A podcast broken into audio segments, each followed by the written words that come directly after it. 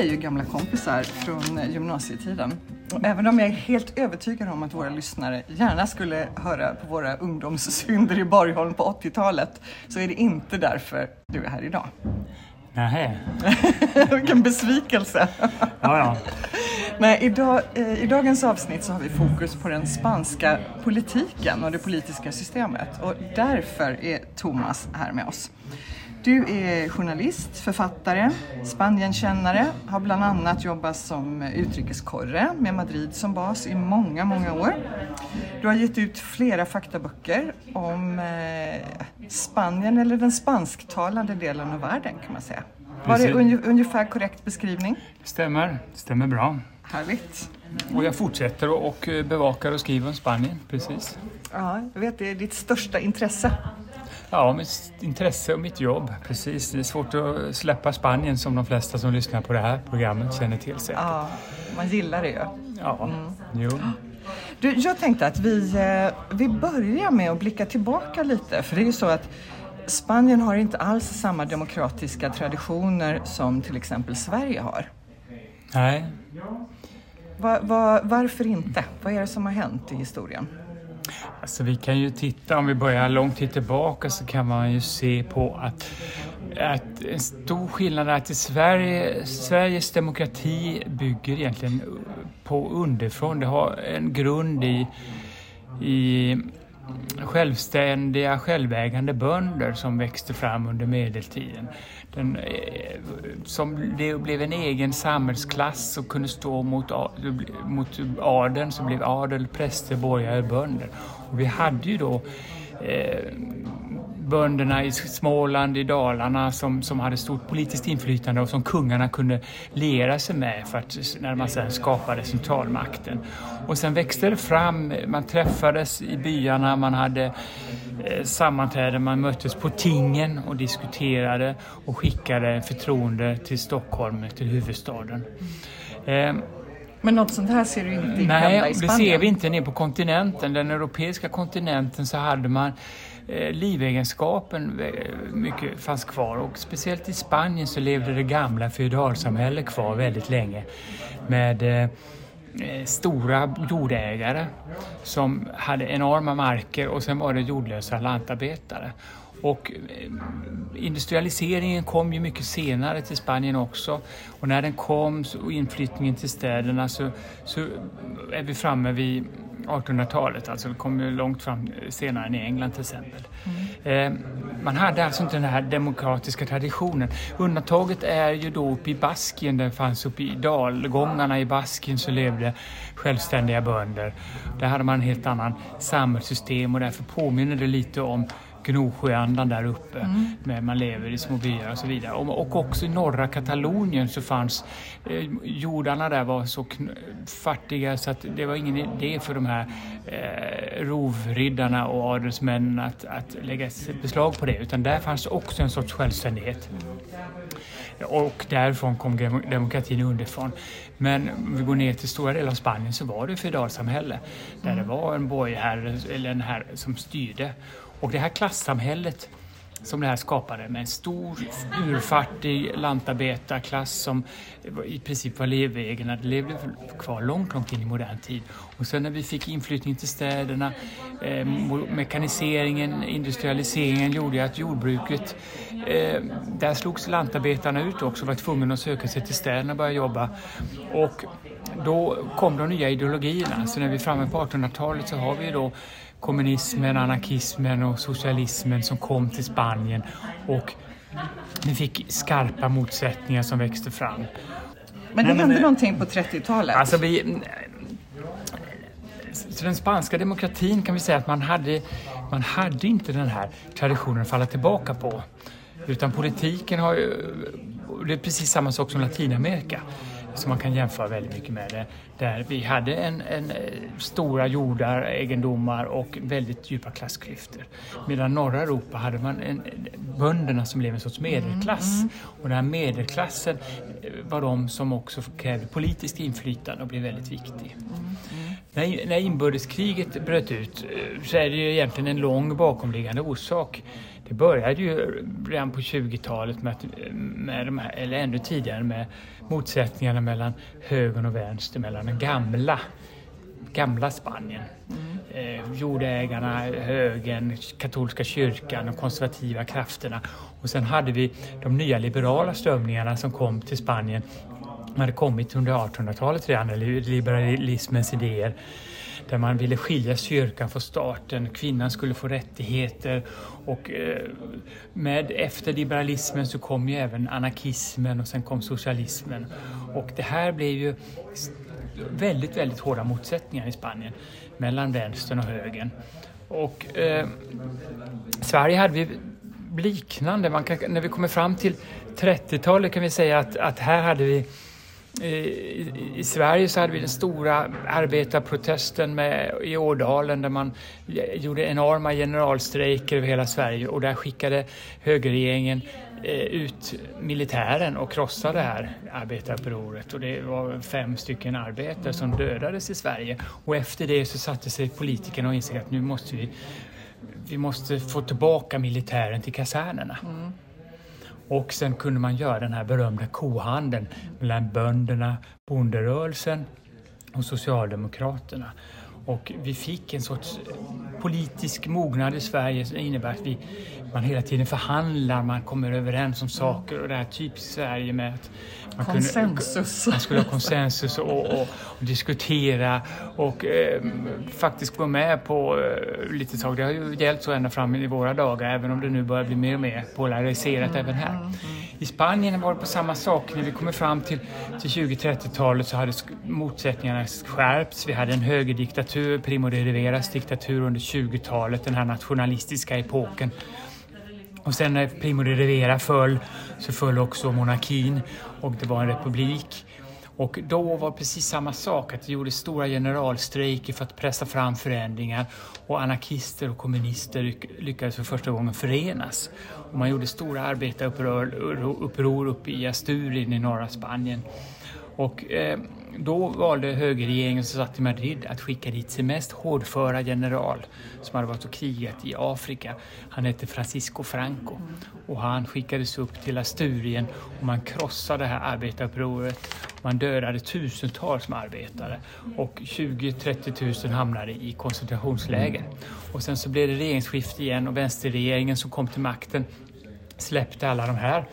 Men då var redan konfrontationen så skarp det fanns inget sätt att för, förstå utan båda sidorna, högern och vänstern, var så polariserad så att det gick mot ett krig.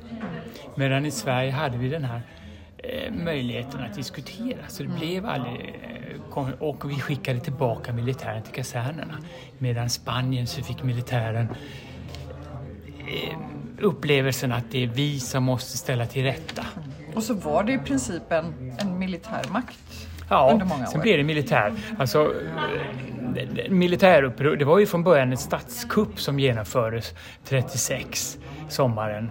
Eh, eh, massa sammansvurna, en grupp sammansvurna generaler och, och överstar som, som gjorde en statskupp. Man skulle ta över militärmakten runt om och sen eh, byta regering. Men eh, centralregeringen då som var, då var en liberal regering med vänstern eh, fanns och stödde den. De delade ut, fick, de lyckades slå ner det här militärupproret i Madrid och Barcelona och sådana storstäder, Valencia. Medan däremot eh, kunde södra delarna, eh, där eh, lyckades de här officerarna eh, ta över och Franco framför allt mm. kom in med sin främlingslegion. Tog befälet för dem och eh, sen fortsatte kriget. Mm. Och eh, det var ett väldigt blodigt krig. Det blev ett väldigt långvarigt krig. Och eh, när kriget var över så var alla rädda att det skulle börja igen. Eh, över en miljon människor hade dött. Efteråt var det otroliga utrensningar där, där eh, Franco själv såg till att, att han hade ju en sån idé redan under kriget att man skulle krossa alla motståndsfickor. När man gick in i en by så tog man alla som hade gjort motstånd och arkebuserade dem. Och, och efter kriget så tog man alla som hade ingått i republikens styre och alla fackföreningsledare och alla anarkister och allting och, och tog livet av dem. Hemskt. Dessutom fanns det då, eh, det skapades den här grunden för kalla kriget och bakgrunden till hela 1900-talets utveckling var ju vid inbördeskriget. Stalin som satt i Sovjetunionen skickade dit KGB och tog livet av eh, många anarkistledare som han såg som en utmaning till kommunismen då, som han ville skulle ta över hela världen. Det finns en, en väldigt bra dokumentär på SVT Play. I, jag tror det är tre delar som handlar just om Franco och den här tiden.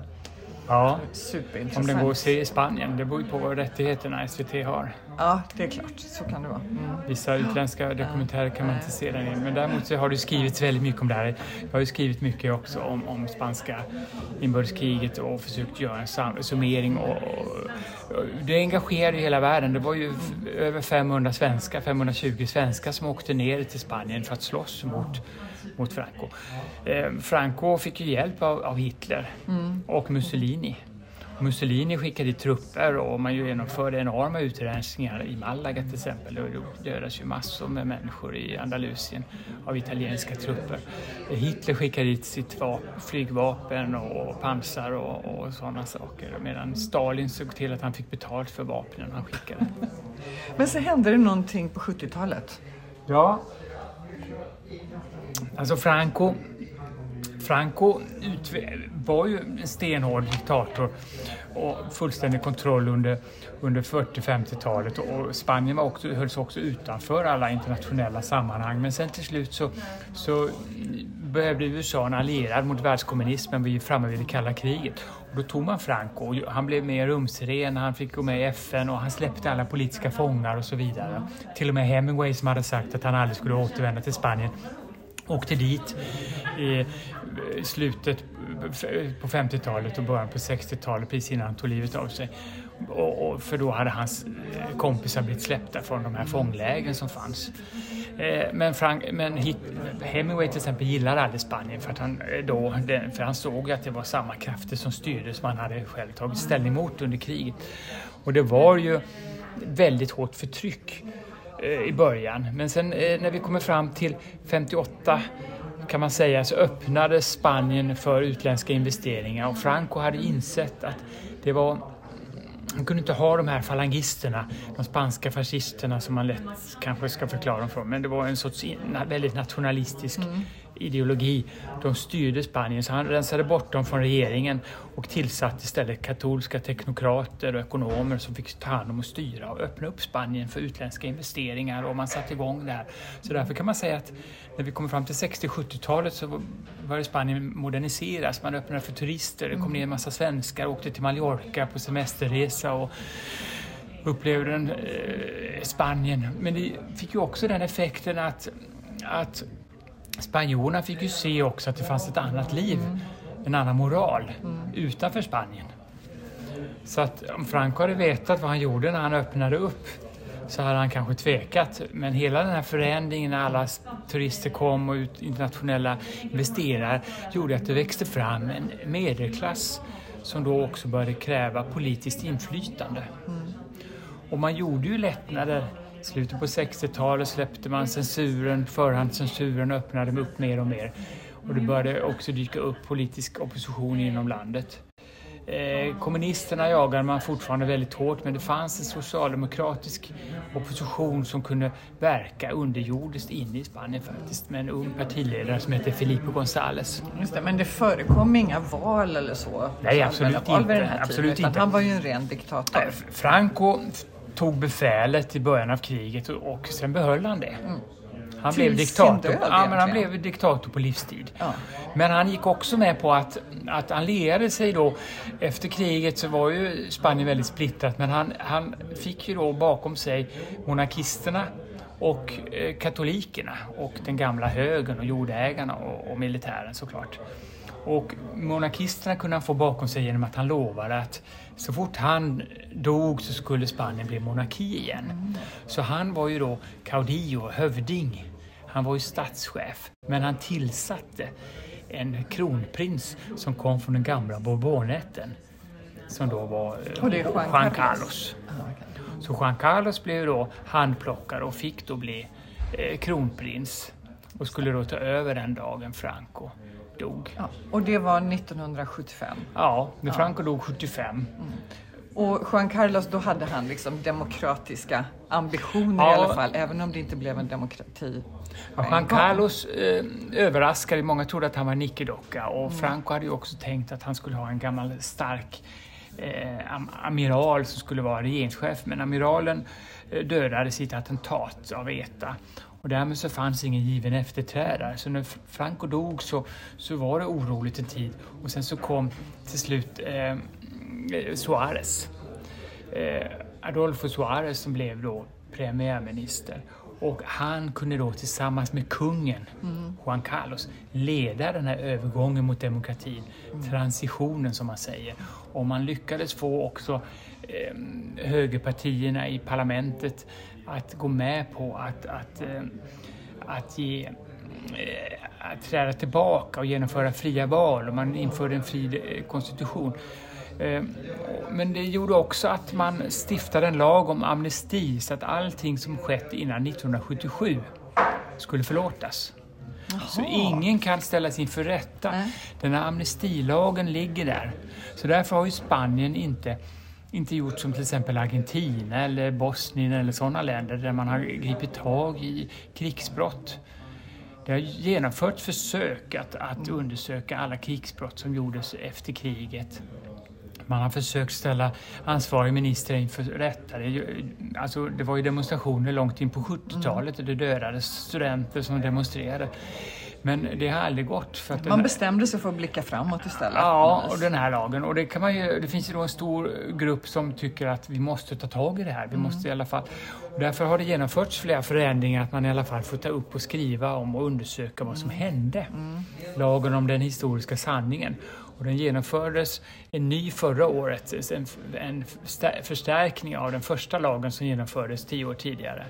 Där man nu kan öppna gravarna, man nu kan ta reda på vem som avrättades och, och barnbarnen till dem som mm. dog. Eh, får reda på vad som har hänt. Va? Ja. Det är otroligt spännande. Det, är, alltså det här är ju inte länge sedan, det är på 70-talet ja, vi pratar om. Det är fantastiskt. Det som hände när, när man skrev den nya konstitutionen då, som, som, det var ju att vi är på 70-talet och då var ju eh, decentralisering ett modeord. Man, in, man insåg att man var tvungen att få ner makten närmare folket. Så man skapade ett nytt Spanien, en ny indelning. När Spanien delades upp i 17 regioner. Mm. Autonoma, självständiga områden. Och de finns kvar fortfarande? Och de finns kvar fortfarande. Mm. Den här konstitutionen från 1977 som, som började gälla då, den är den man har fortfarande mm. kvar. Så Spanien eh, har ju 50 provinser. Mm. De här 50 provinserna och, eh, är ju då gamla historiska landområden egentligen som var ett furstendöme en gång i tiden eller, eller borgerskap och grevskap och så vidare.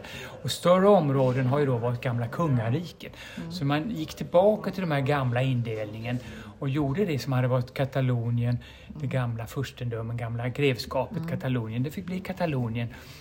Och de tre baskiska provinserna som låg i Spanien, det blev en självständig autonomin, självstyrande autonomin, mm. País Vasco, eller Baskien då och så vidare. Och så vidare. Man delar upp allting. Men i mitten av landet så låg det gamla Kastilien mm. som var en enormt mäktig kungarike. Och det kunde man ju inte låta bli en enda region för det hade blivit en enorm, totalt dominerande region. Så den delades upp. Så de norra delarna blev Castilla, León och de södra delarna Castilla, La Mancha. Och i mitten så gjorde man en egen region för Madrid som är en stor, väldigt folkrik region och väldigt rik region också.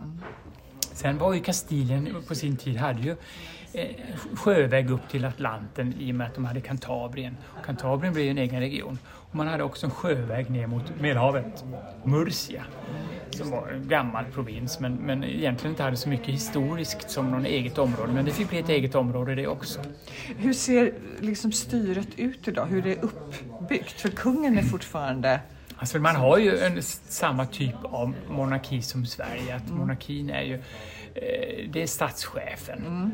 eh, som har den symboliska rollen och det är konstitutionell, eh, det är ingen styrande makt. Skillnaden är att den spanska kungen har ju den rollen som talmannen har i Sveriges riksdag. Att efter ett val så kallar han alla partiledare för samman eh, för, för, för, för, diskussioner. Ja. Och sen efteråt så bestämmer kungen vem som ska få första chans att bilda en regering. Okej. Och det finns ju en del som säger att det där borde man göra i Sverige också. Eh, för att ha en opolitisk. Men här har vi ju då i Sverige har vi ju mm, talmannen som Ja, gör det uppdraget. Men därmed så har ju kungen har ju ingen politisk makt egentligen, men han har ju inflytande i, eh, stort inflytande och han är ju en samlad symbol. Och Spanien är ju egentligen ett väldigt, väldigt eh, splittrat land. Eh, Men det finns ändå ett, ett nationellt Ja, styre. alltså vi har ju olika åsikter om det här. Vi har ju national, de som har den här gamla åsikten, gam, ligger en höger konservativ nationalistisk åsikt som tycker att varför ska vi ha massa regioner? På Franco samlade ju all makt i Madrid. Och vi kan också tänka vilken enorm förändring det var från att vara ett av de mest centralstyrda länderna i, i världen all makt var samlad till Madrid så gjorde man en ny konstitution där all makt delades ut till regionerna.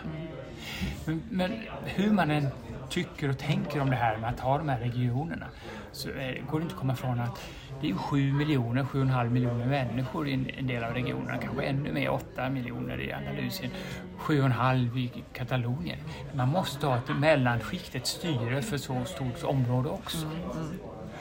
Det man möjligtvis kan diskutera det är de här provinserna som ibland är onödiga.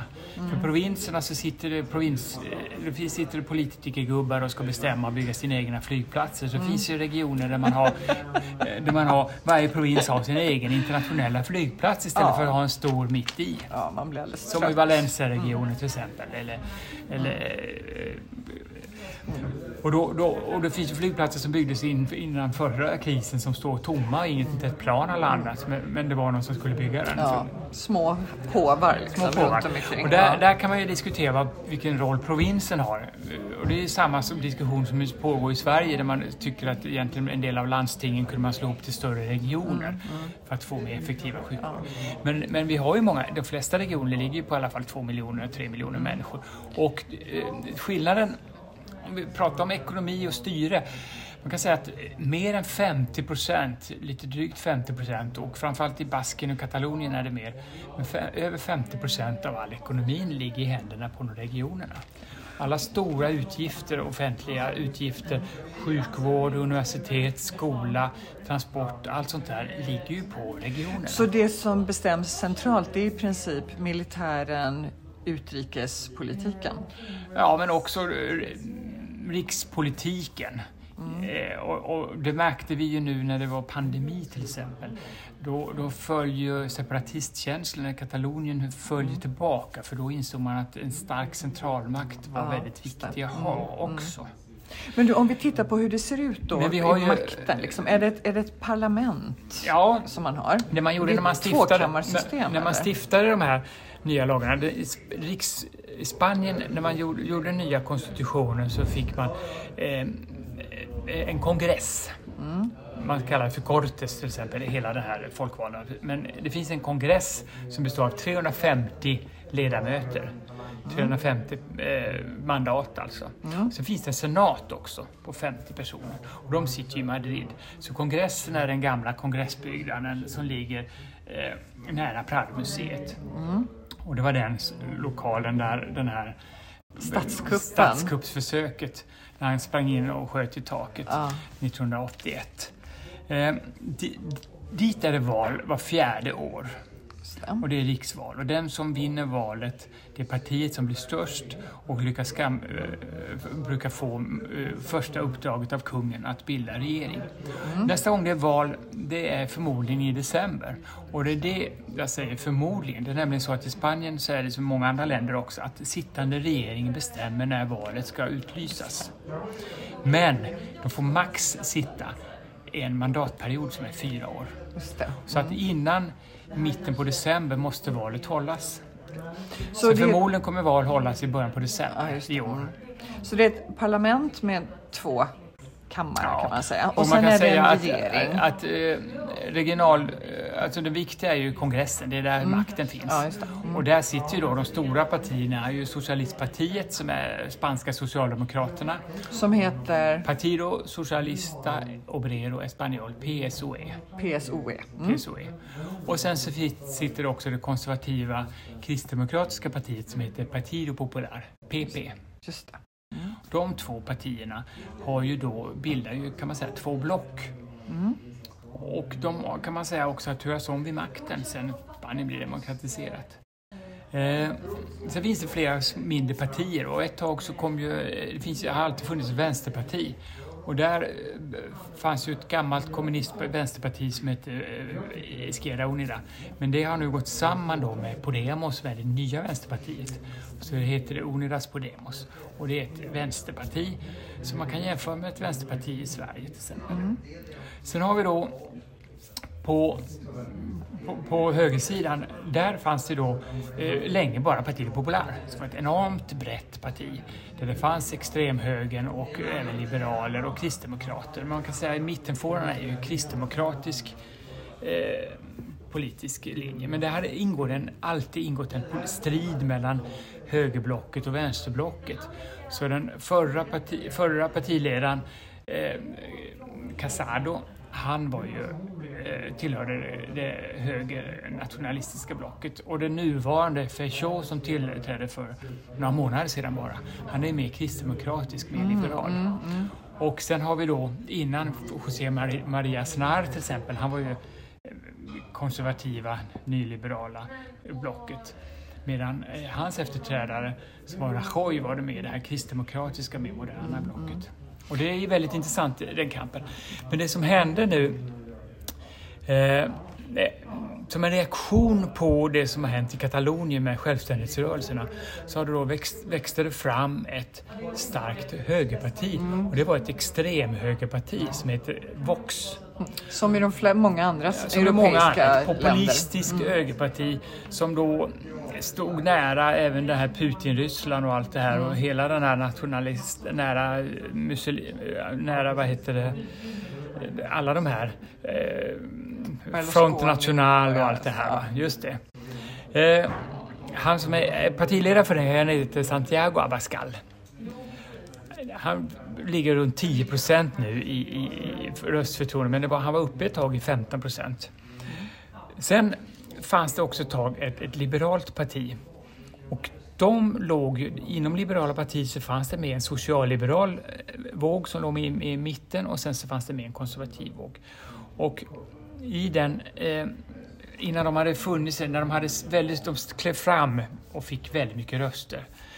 Eh, och hade då möjlighet att bilda en mittenregering tillsammans med det spanska socialistpartiet. Men då valde den partiledaren, eh, Alberto Rivera, att istället lea sig med, med Vox, högerextrema partiet, och med Partido Popular.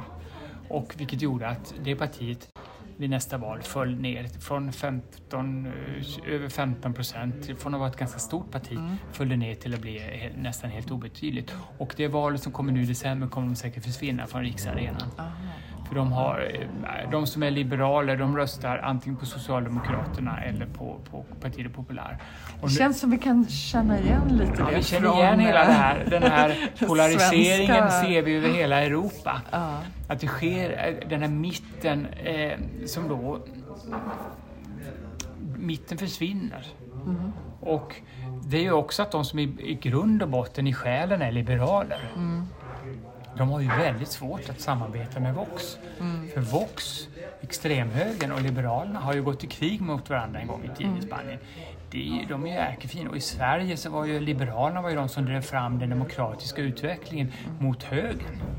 Men jag läste någonstans att det här är första gången man har en koalitionsregering i Spanien. Utan tidigare så har alltså ett parti lyckats få majoritet. Ja, man har aldrig trott på det här med koalitioner.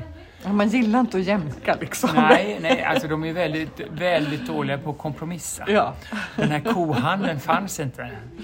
Och Då kommer har- vi tillbaka till kom- historien kommer egentligen. tillbaka, ja, alltså det finns få länder där historien är så närvarande hela tiden. Mm. Och det här kohandla, kompromissa, som då Sverige har varit väldigt bra på med, i och med att vi har haft eh, mittenregeringar och vi Mm. har kunnat diskutera. Jag menar, lotteririksdagen till exempel, när man eh, tvingades få mer makt i utskotten i Sverige. Så att det, det enda som vi ägnade hela den eh, perioden åt i Sverige var att sitta och kompromissa i utskott innan, för att kunna få någonting gjort. Men om, om vi trättar ner den här politiken då till en av de 17 regionerna, det vill säga Balearerna. Hur, hur ser det ut där? Ja, när man då skrev de nya politikerna, ny tids politiker, demokrater, skulle skriva en konstitution, då, då delar man ju upp Spanien i 17 självstyrande regioner och en av de regionerna blev Balearerna. Eh, är det en av de minsta regionerna? Nej, det är ungefär det... en miljon invånare. Det är mellanstort. Kanarieöarna är väl ungefär lika stort. Va? Det finns uh. mindre. Rioja till exempel blir ju en sån liten kompromissregion som ligger som en buffertstat mellan, mellan eh, Baskien och Katalonien. Eller uh. Kastilien. Man visste uh. liksom inte riktigt vad man skulle göra av Rioja. Det är ju egentligen bara en dalgång där man odlar grönsaker och vin. Det känns som att regionerna är väldigt olika stora. Ja, de är väldigt olika stora. Vi har ju den här jätteregionen som Andalusien till exempel enormt. Och det kan man ju också säga att, att Katalonien till exempel, en del tycker varför ska Katalonien ha självstyre? Så mycket självstyre, eh, egen, eget parlament och så vidare. Ja, men det är ju större än Danmark. Det är en sån mm. ekonomi alltså. Det är ju 7,5 miljoner människor som, som måste styras på något sätt med sjukvård och, och transport och grejer. Och det som är, när man delar upp landet i 70 17 regioner så, fick, så gjorde man i flera omgångar. Så de här gamla historiska landskapen, de fick egna statut. Och de historiska landskapen är Baskien, eh, Katalonien, Galicien och Andalusien. De fyra fick egna valdagar. Mm. Där fick man också lite mer kompetens, så man har sina egna regionala språk. I Galicien har man galiciska till exempel och i Baskien baskiska och Katalonien katalanska. Man har också, eh, där har man också fått sina egna poliskårer och egna domstolsväsenden. Och längst självstyre har ju då Katalonien, där man också till och med har den fiskala eh, kompetensen. Man får alltså ta hand om sina egna skattepengar.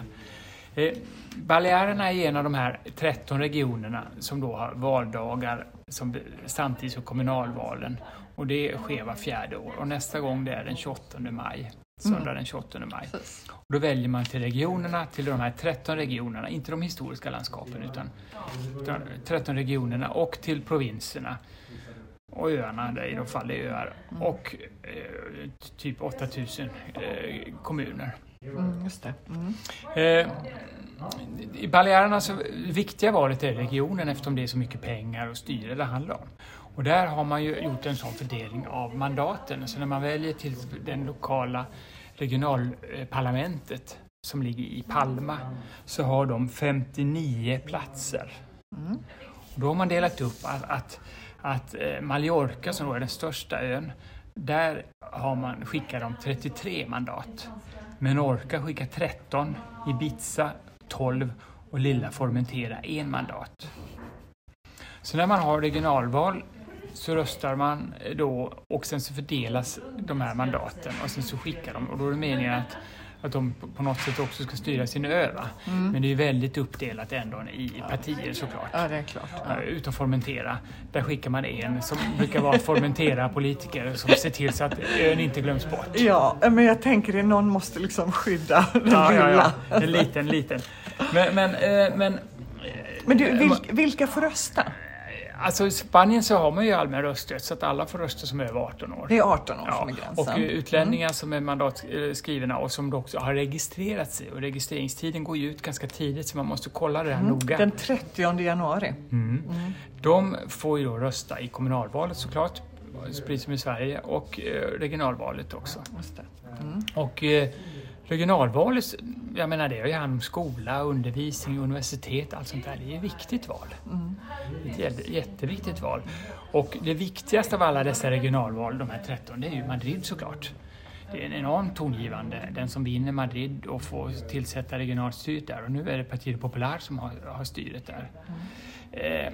Hon som är, Ayuso som sitter i Madrid, hon är, tillhör det konservativa blocket. Men hon och Feijóo som då är den nya partiledaren som då är lite mer liberal. Mm.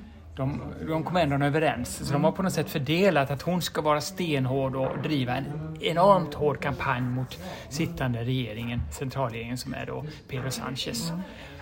Medan då Feijóo, han är mycket mer kompromissvillig.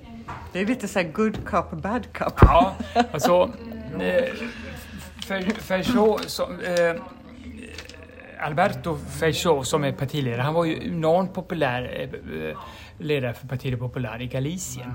Och eh, han blev tillfrågad redan tidigare om han inte ville bli, eh, ta hand om, om rikspolitiken, men då sa han nej. Men nu så fanns ingen val för Casado som var innan, han gjorde bort sig fullständigt och har tappat alla röster. Mm. Han har drivit enorm extremhögerpolitik vilket gjort att, att om han driver en sån politik då valde folk att gå till box istället. Mm, mm. Och dessutom var det hela tiden en konfrontation och han hade också den här gamla synen på kvinnans rättigheter och aborter och allt sånt där. Va? Var nära. För är mycket mer modern politiker, han är mer liberal och han har, han har fått tillbaka väldigt många eh, borgerliga väljare. Mm. Så att det kommer väldigt, väldigt, väldigt tätt vem som vinner i, i december. Väldigt, väldigt spännande kommer det bli.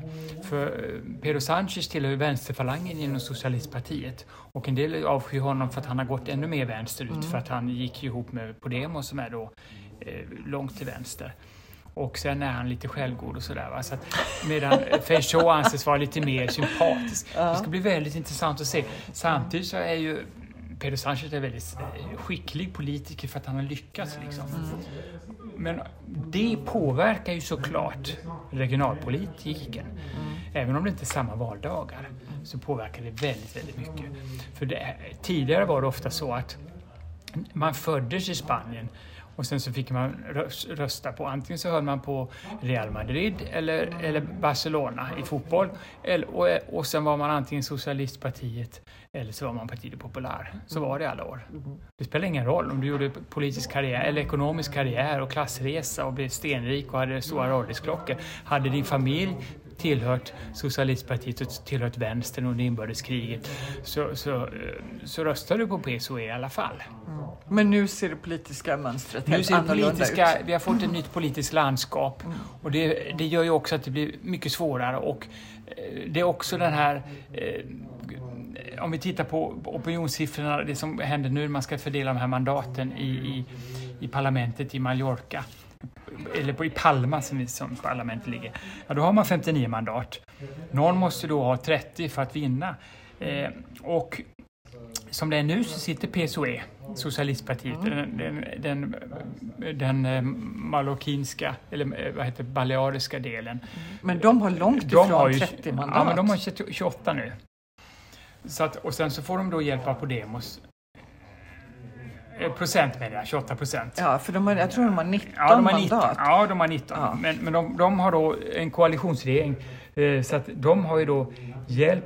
Hon som, hon som är Admegol, som hon heter, mm. som är då en gammal apotekare.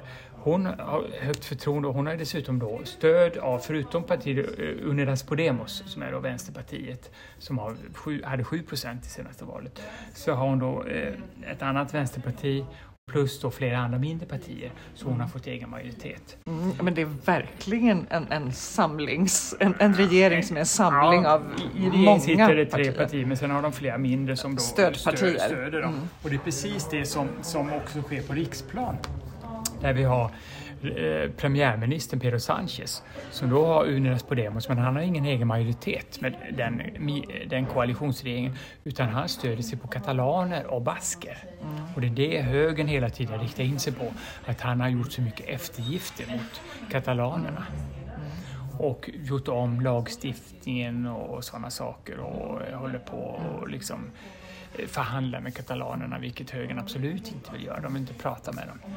Jag, jag tänker att du pratar mycket om Katalonien och vi pratar om Balearerna. Mm. Och jag tror det är många eh, på Mallorca som känner att vi på något vis tillhör Katalonien lite, bara för att vi råkar prata deras språk. Ja. Men, men, så är det inte. Balearerna alltså, är en egen region. Ja, politiskt är det en egen region. Man kan också se så här att, att kulturellt har Katalonien och, Balearerna väldigt mycket med varandra att göra. Mm. För de in, ingick i samma kungarike. Eh, greven av Barcelona som då var kung över kungariket Aragonien under medeltiden. Han erövrade Eh, Mallorca, Palma, grevskapet, eh, alltså furstendömet Palma och införlivade det och gjorde hela Balearerna till en del av det här stora Katalonien och sen blev eller Aragonien som var mm. kungastolen hette ju Aragonien. Så det, hela den, den kungarike som fanns under medeltiden var enormt mäktig. De hade ju förutom Katalonien även Valencia, eh, Balearerna och även norra delen av italienska halvön mm. och Nederländerna, Flamländerna och det här. Va? Mm. Så det finns, det finns en stark koppling ja, till Katalonien, och, och, men det är en egen region? Ja, och språket och kulturen. Så redan på 800-talet så talade man katalanska. Sen har det utvecklats olika dialekter, så den katalanska dialekten som talas på Mallorca, den kallas för mallorquin. Mm. Och den katalanska dialekten som kallas på Menorca, den heter menorquin. Ja, och på Ibiza, som vi säger på svenska, mm. den heter Eisevek. Det är ju, eh, och nu, numera så har man ju också genomdrivit att det officiella namnet på allting, på alla gator och sånt, det är ju på katalanska. Mm. Mm. Och så finns det då de som är riktigt regionalistiska, de kallar, säger ju inte katalanska, de säger att de talar mallorquin. Ja. Mm. Och det är ju skillnad mellan mallorquin och menorquin. Det. det. är olika. På Menorca så finns det en del lånord från gamla tiden. Det var under en period de var, tillhörde Storbritannien så man använde en del gamla brittiska lånord och, och lite sådana här. Så det är ganska kuriosa saker. Men, ja, men, men, men kopplingen är ju, samma, är ju stark. Ja, man har ju samma mat. Mm. Köket är ju väldigt, mm. det ingår i samma kök kan man säga. Jag kopplar samman jag som har skrivit och studerat väldigt mycket om spanska eh, mattraditionerna, mathistorien och kulturhistorien.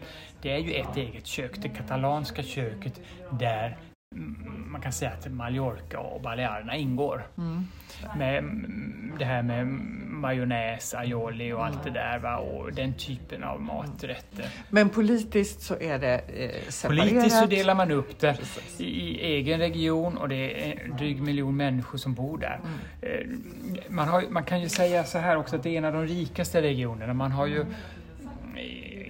EU-siffrorna, man har medianen på EUs ekonomi brukar man, som ligger på 100 så är Madrid uppåt 140, alltså en rik region mm. och Katalo Basken är väl ännu högre.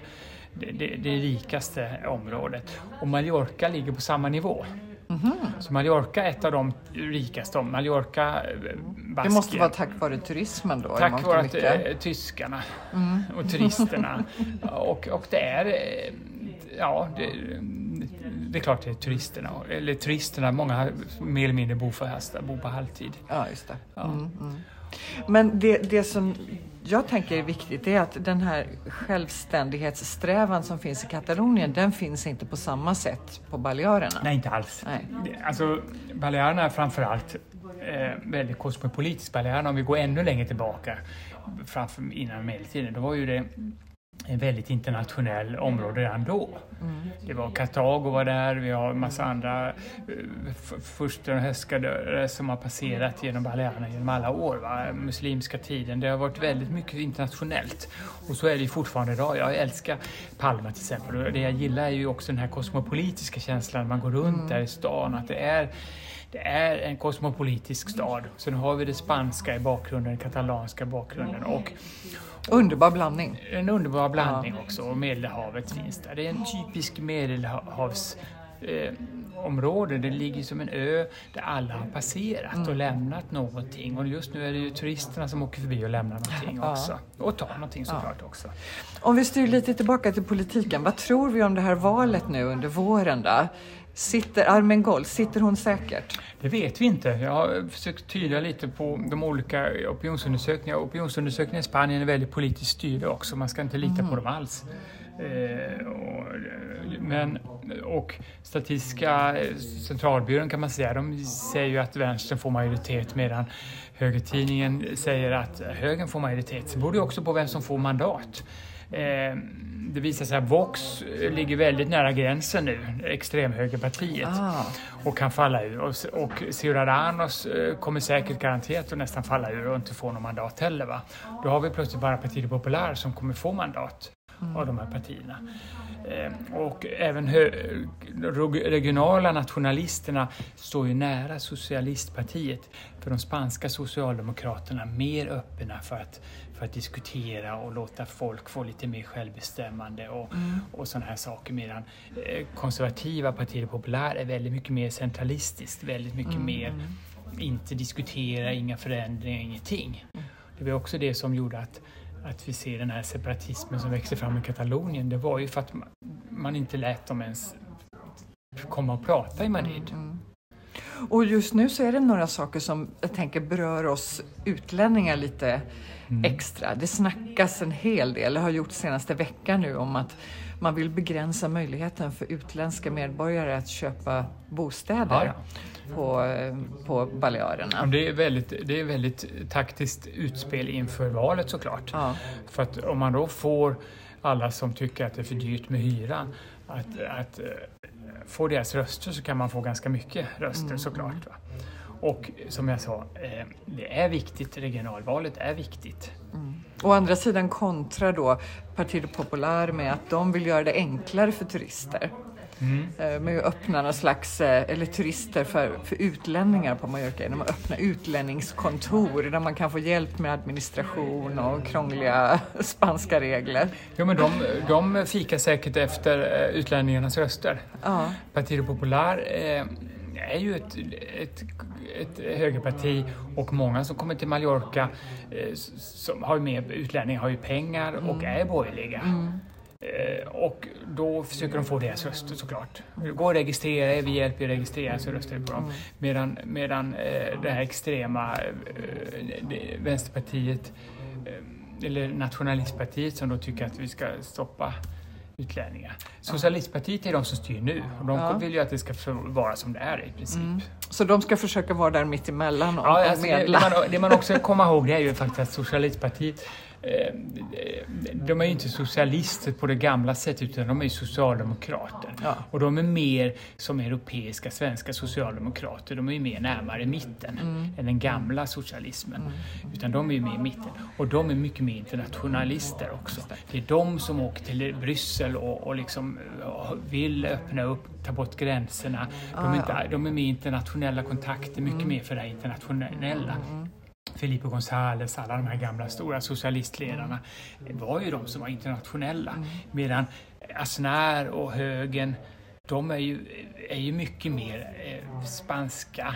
Eh, eh, eh, liksom, de är inte alls den internationella inblicken. Nej, just sätt, det. Och då blir det mer konservativt och det blir mer gammaldags och det blir mer tillbakasträvande. Ja, nu är, för, för, det var ju en strid ett tag inom Partido Popular också för att om vi inte går så långt tillbaka på 80-talet, eh, så var, långt in på 90-talet så var det ju eh, till exempel en abortlagstiftning och kvinnolagstiftning som var väldigt, väldigt konservativ i Spanien. Det var svårt för kvinnor att skilja sig, det var svårt för eh, kvinnor hade inte rätt att styra över sin egen kropp och göra abort eh, om de blev gravida och sådana här saker. Va?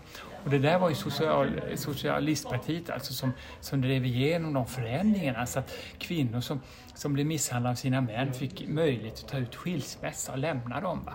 Och att de också fick, eh, sista man gjorde, vilket tog väldigt, väldigt lång tid, det var ju först på slutet på 90-talet, när- ja, 1990-talet man gjorde den här moderna med abortlagstiftning. Jag tänker Och där har ju då högern svarat och försöka driva tillbaka Ja, mm. till en sån gammaldags som i princip bara Kanske lite finns i länder i Latinamerika. eh, Kanske lite tillsammans med den katolska kyrkan, Ja, jag. ja, men det är just att de är lierade med katolska kyrkan och inom Partido Popular har ju också funnits mycket opus, opus dei i det här katolska extrema rörelsen. Nu är Freixo inte sådan. Han är ju mycket mer liberal. Han är mycket mer borgerlig, kristdemokratisk. Han är en kristdemokrat, en europeisk kristdemokrat, mycket mer så eh, liberal kan man säga.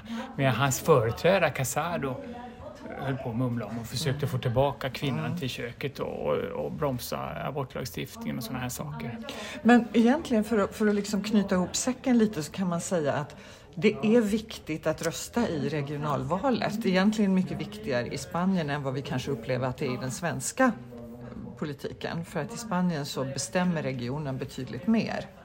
Ja, eh, den gamla landstingen som fanns i Sverige, eller regionerna som de heter nu, de har ju i och för sig hand om sjukvården. Men, men eh, Spanien är det väldigt, väldigt mycket mer. Väldigt, väldigt mycket mer. Och viktigt. Och det är också väldigt mycket tydligare med att det är egna valdagar och att det är en parlament som man väljer till. Ja. Du Thomas, vi rundar av där. Eh, tusen tack för att du ville dela med dig av all din kunskap.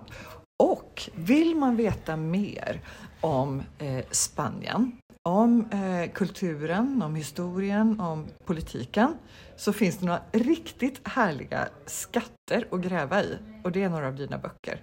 Precis. Eh, jag vet att du har en i alla fall som heter eh, Spanien, en färd genom historien. Mm, jo, mm. den kom ut för bara något år sedan och den är väldigt aktuell. Ja. Den eh, berättar hela Spaniens historia kan man säga från forntid till nutid.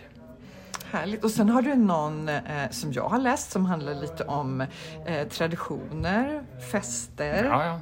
ja. Det finns också, det finns, eh, Fiesta heter den. Ja. Och sen finns det eh, flera andra böcker som är aktuella. Det finns en bok om, en del är ju slut, men det finns ju en bok som handlar om krisen, förra krisen, så man kan mm. få en förklaring till vad som hände då.